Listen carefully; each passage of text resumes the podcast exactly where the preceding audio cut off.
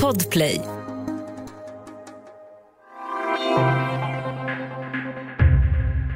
Men jag vill också uppmana till stor vaksamhet med försök till desinformation. Alla svenskar bör hålla sig informerade och söka information, men alltid fråga hur trovärdig källan är, vem som är avsändare och varför uppgifterna sprids. Där hörde vi statsminister Magdalena Andersson. Ja, krigets första offer är sanningen, brukar det heta. Från det dramatiska händelseförloppet i Ukraina kommer mängder av information. Bilder, filmsekvenser, inlägg och påståenden om vad de visar. Men nu vet man att det verkligen stämmer. Välkommen till Studio DN. Jag heter Sanna Thorén Björling och med mig idag har jag Hugo Evald som är reporter och faktaredaktör på Dagens Nyheter. Välkommen! Tack så mycket. Jag tänkte att vi skulle börja med några exempel. Det första är ett fotografi av en person och en flagga. Och eftersom vi pratar nu så får du berätta vad man ser på den här bilden. Ja, på den här bilden så ser man då en stege upp till vad som ser ut att vara någon form av eh, byggnad, kanske en myndighetsbyggnad. Och man ser då en person som håller upp en rysk flagga på den här bilden. Hur är den här personen klädd? Ja, i militärmundering skulle man väl kunna uttrycka det som. Mm. Den här bilden publicerades på ett Twitterkonto den 24 februari. Det är samma dag som Ryssland alltså anfaller Ukraina på bred front. Vad påstods den här bilden visa?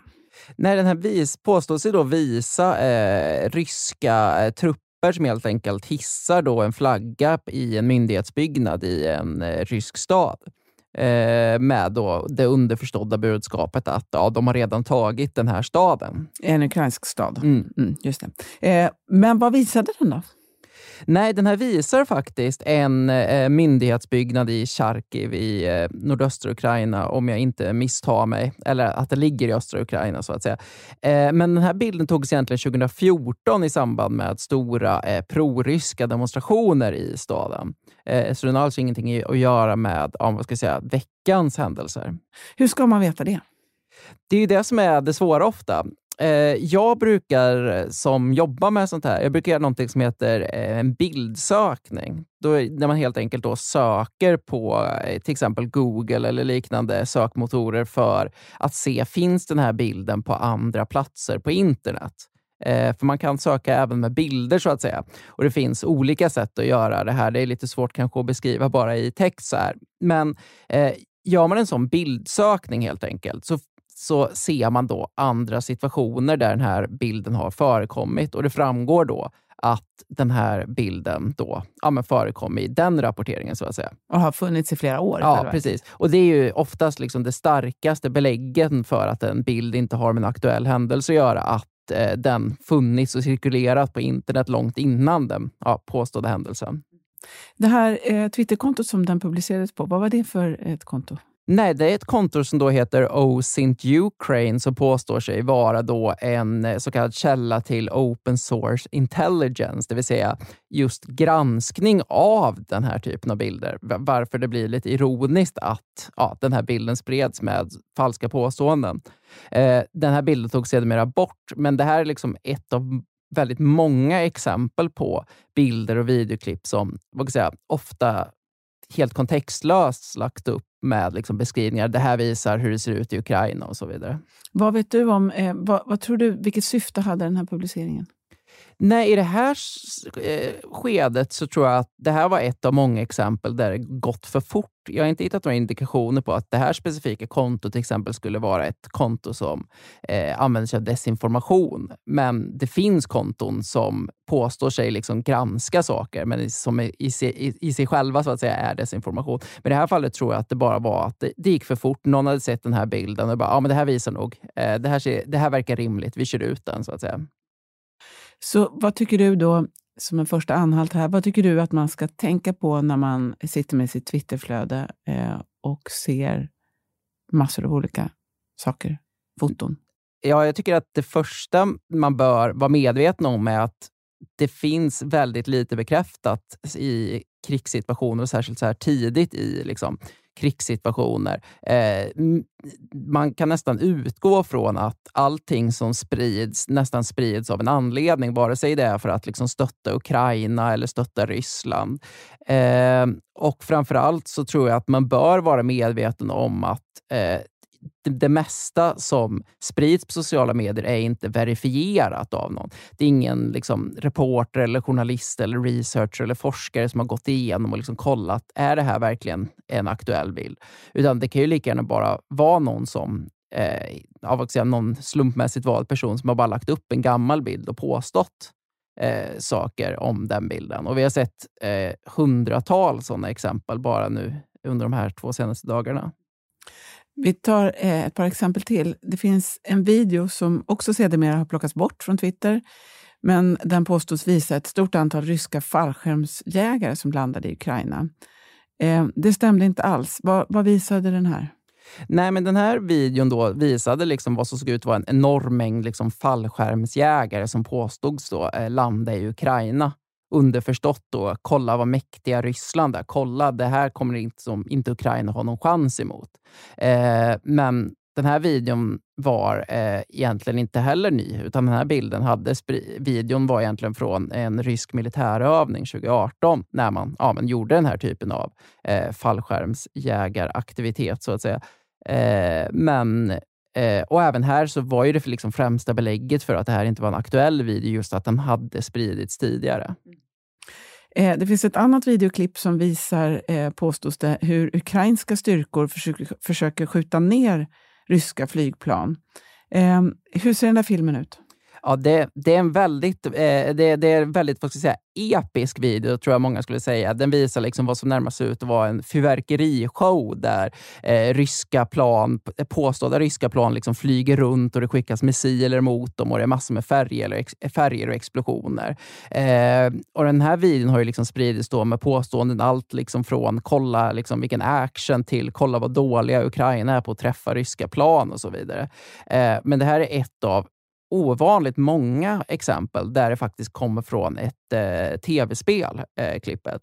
Eh, och det är ju ett ganska stort problem nu när vad säga, grafiken på tv-spel blivit så pass mycket bättre att eh, i vissa fall så är det väldigt svårt att se att det just är ett tv-spel. Och I det här fallet så kommer det från en, eh, ett, en militärsimulator kan man säga som liksom bygger väldigt mycket på att den ska vara realistisk. Och Det ser väldigt realistiskt ut. Men personer som spelat det här spelet och så vidare såg ganska snabbt att just var från ett tv-spel. Så då har vi både eh, äkta bilder men från fel eh, sammanhang och eh, bilder som egentligen inte visar verklighet överhuvudtaget. Eh, det finns ju andra typer av vantolkningar också.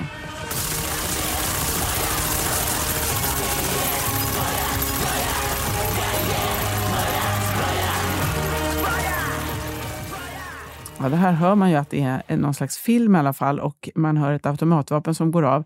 Och det är Zelensky som skjuter. Eh, vem är han kan du berätta och vad gör han? Nej, eh, Volodymyr Zelensky är ju Ukrainas eh, nuvarande president och därmed liksom en av huvudrollerna i den här konflikten. Och I den här videon så ser man han gå in i vad som ser ut att vara någon form av parlamentsbyggnad, kanske en domstol eventuellt. Och Han tar fram två handeldvapen och eh, skjuter ihjäl en väldigt stor mängd personer. Eh, och det, det, är väldigt, så här, det är väldigt så här actionfyllt, och väldigt så här epic, eller vad man ska säga. Men och det här videon har då spritts på bland annat Twitter, men även andra sociala medier med påståenden om att det här skulle varit från hans presidentvalskampanj, att han, när han vill bli president, eh, liksom la upp sånt här för att visa hur tuff han är, eller vad man ska säga. Eh, men det som gör lite speciellt med Zelensky är ju att han har en bakgrund som tv-komiker eh, och spelade då eh, en lärare som av en slump blev president i en ukrainsk tv-serie som hette eh, eh, Folket tjänare. Och det är just från Folket tjänare som ja, det här klippet kommer ifrån. Så det har ingenting med hans eh, politiska kampanjer att göra? Nej, utan det här klippet eh, publicerades då på Youtube eh, åtminstone ett och ett halvt år innan han ens aviserade att han ställer upp som president. Som ni hör, det finns många, sätt att vara, många skäl att vara eh, skeptisk till påståenden på, i sociala medier. Vi ska ta en liten paus och sen ska vi prata mer om vad man kan lära sig av material som detta.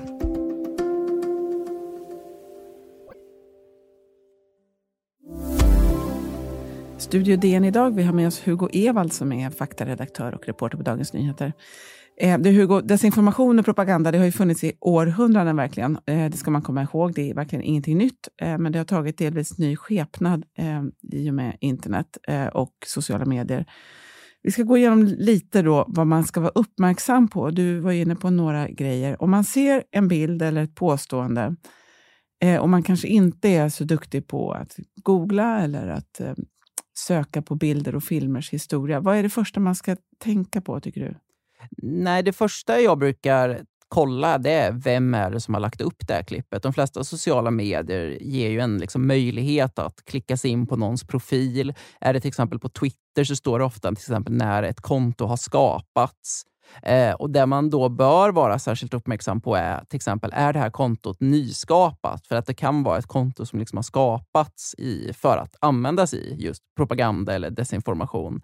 Eh, och Det kan också vara eh, väldigt partiska konton som antingen drivs då av personer som kanske har kopplingar till en stat, men också liksom som bara är väldigt politiskt övertygade.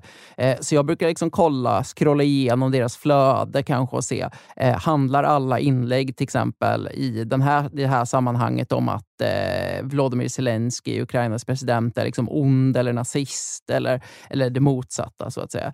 Eh, och eh, bara på så sätt kan man ofta få en ganska bra överblick av vad det här är för avsändare. För att det mesta som sprids i sådana här krigssammanhang sprids ju av en anledning. Just det. Och att om ett konto är nytt, då kan man dels se när det skapas, så kan man också eh, kolla hur många det är som följer det här kontot. Eller hur? Mm, det kan precis. också vara en bra sak. Precis, för att eh, nyskapade konton utan följare brukar ofta liksom vara ett tecken på att ja, om, det, det, kan ju förstås vara så att det är någon person som bara, nu ska jag börja twittra och publicera en jättestor mängd politiska inlägg. Men det kan också liksom vara någon typ av propagandakonto och det ser man ganska ofta. Vi var inne på det också, att en del har plockats bort. Eh, kan man anmäla sånt här? Vart gör man det? Ja, det går, många eh, sociala medietjänster har ju liksom olika typer av anmälningssystem. Ofta brukar det finnas en så här, menyknapp i anslutning till inlägg där man kan anmäla dem av olika anledningar. Eh, och det, Sociala medier är liksom i olika grad vad ska jag säga, måna om att ta bort sånt här snabbt. Vissa, som till exempel Facebook, brukar i en ganska hög grad till exempel snarare sätta en lapp för inlägget där det står det här inlägget är liksom inte sant eller det här inlägget är missvisande. Medan i till exempel Twitters fall så är man ganska snabb på att bara stänga ner eh, såna här konton eller ta bort inläggen. Men ofta i anslutning till själva inläggen så brukar man kunna ja, anmäla och sen uppge liksom en anledning varför man anmäler det här inlägget och så vidare. Du sa ju det att man, kunde, man kan ju söka på bilder. När det handlar om filmer eller filmsekvenser, kan man söka på dem på samma sätt? Eller hur gör man då? Om det figurerar ju väldigt mycket till exempel på Youtube. Ja, det kan man faktiskt. Eh, och Det som är så praktiskt är ju att filmer består ju ofta bara av en vad ska säga, serie bilder tekniskt sett.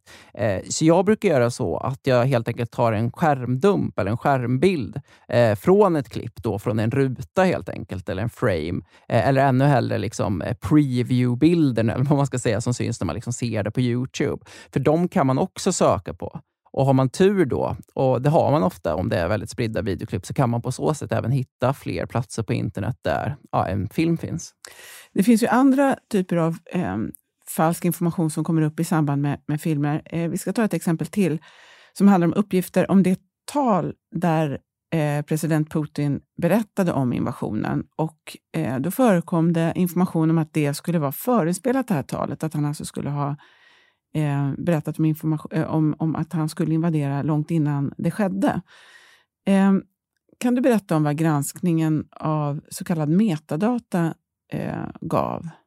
Ja, för det man ska veta är ju att alla eh, filer på en dator i princip innehåller så kallad metadata. Det kan vara till exempel att en Word-fil innehåller information om när den har skapats, vem som är författaren, att en eh, eh foto innehåller liksom information om vilken kamera som har använts, eh, koordinaterna i vissa fall där bilden är tagen och så vidare. Eh, och Det som då eh, Eh, en rysk självständig tidning hade gjort var att de hade helt enkelt kollat den här metadatan på vad de, ja, vad ska säga, vad de trodde var eh, Putins eh, avisering att man skulle invadera Ukraina och kom då till slutsatsen genom den här metadatan att videoklippet med stor sannolikhet var skapat flera dagar innan. Eh, och Det här stärktes ju också av att Putin hade samma kläder på sig. Eh, så jag, både till exempel Aftonbladet och Expressen använde sig av den här tidningen som källa för att gå ut med då information om att det kunde vara liksom förinspelat. Eh, men det som jag och andra journalister gjorde var att vi lyckades ladda ner, vad säga, där, vi kollade själva metadatan. Vi laddade ner den här filen från Kremls servrar så att säga, för att ja, den, de, den ligger ju där och kollar metadatan. Och då ser man att eh, metadatan faktiskt eh, över, överensstämmer med datumet, det vill säga den 24. Så att säga. Eh, det som var liksom, gjorde att jag och andra snabbt började tveka på de här publiceringarna om att det skulle röra sig om gammal, eh, en gammal video var för att eh, längden på videoklippet som står i metadatan inte stämmer överens med eh, hur lång Putins faktiska avisering var. Eh, Sen, och sen har ju då Aftonbladet och Expressen varit ute och rättat det här och så vidare. Mm, men det man också ska komma ihåg dock, som är liksom extra jobbigt när det kommer till såna här metadata, är ju att även metadata går att manipulera. Eh, det går att ganska enkelt bara skriva in vilken metadata man vill eller rensa bort den helt. Eh, så man kan fortfarande inte vara hundraprocentigt säker. Men det är mer troligt att videon skulle vara inspelad ja, 24 än den 22. Så vad tror du då att hade hänt i det här första fallet? Den här självständiga ändå publikationen som har publicerat det, var det ett misstag eller har de vad har hänt där tror du? Eh, jag tror att det var ett misstag. Jag tror att de hade råkat göra så att de helt enkelt eh, laddade ner Putins gamla inspelning, den som var mycket längre när han pratade om att han erkände eh, bland annat Donbass. För den var ju 55 minuter lång ungefär och det var även den här videon de hade granskat metadatorn till. Så jag tror att de helt enkelt hade laddat ner fel fil och ja, helt enkelt misstagit sig på så sätt. För det här handlar ju, varför, om man tänker nu, nu har vi gått igenom ganska många olika saker. Varför tycker du, varför ska man veta allt det här? Nej, men jag tror att det man ska vara medveten om är att det finns ganska starka intressen att sprida olika typer av vinklad information i krig, både från Ukraina och Rysslands sida. Och eh, som, eh, eh, som eh, vanlig medborgare vill man ju inte bidra till att liksom, sprida på det här liksom, desinformationskriget och liksom, bidra till att eh, vad ska jag säga, försvåra för andra att ta del av verklig information. Men det här handlar ju inte bara om Ukraina, utan det finns ju, vi har ju sett sånt här också mycket i samband med IS eller med andra krig och konflikter. Vilka typer av, ehm, är det just konflikter, vilka typer av, skulle du säga, händelser är, är sånt här vanligast, vanligast förekommande? Nej, men precis. Jag tror att i allvarliga konflikter är det absolut vanligaste sammanhanget vi ser den här typen av eh, missvisande videos. Framförallt liksom när det rör sig om videos som liksom är tagna från en annan bild, äh, annan liksom, Eh, verklig, eller annan tid till exempel. Annan kontext, annat sammanhang. Eh, det ser man väldigt ofta i krigssituationer. Men ibland kan det också vara liksom även i fredstider. Det kan röra sig om allt liksom från att någon felöversätter medvetet en intervju med en politiker för att liksom svartmåla den på olika sätt eller liksom klipper ihop saker på konstiga sätt. Eh, men jag tror att det är framförallt i eh, krigstider man bör vara extra försiktig just för att eh, mänskliga liv är vad säga, direkt på spel, så att säga.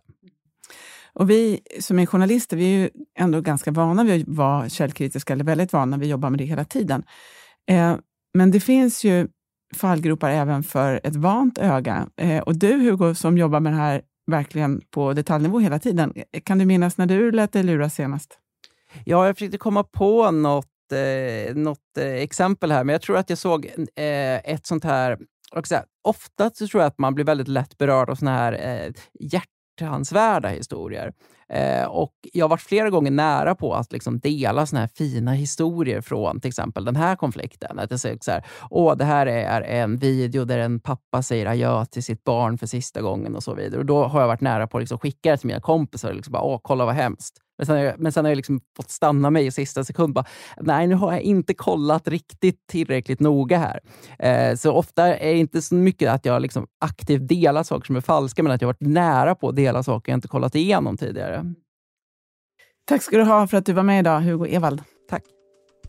Om du vill kontakta oss så går det bra att mejla till studiodn Kom också ihåg att prenumerera på Studio DN där du lyssnar på poddar så missar du inga avsnitt.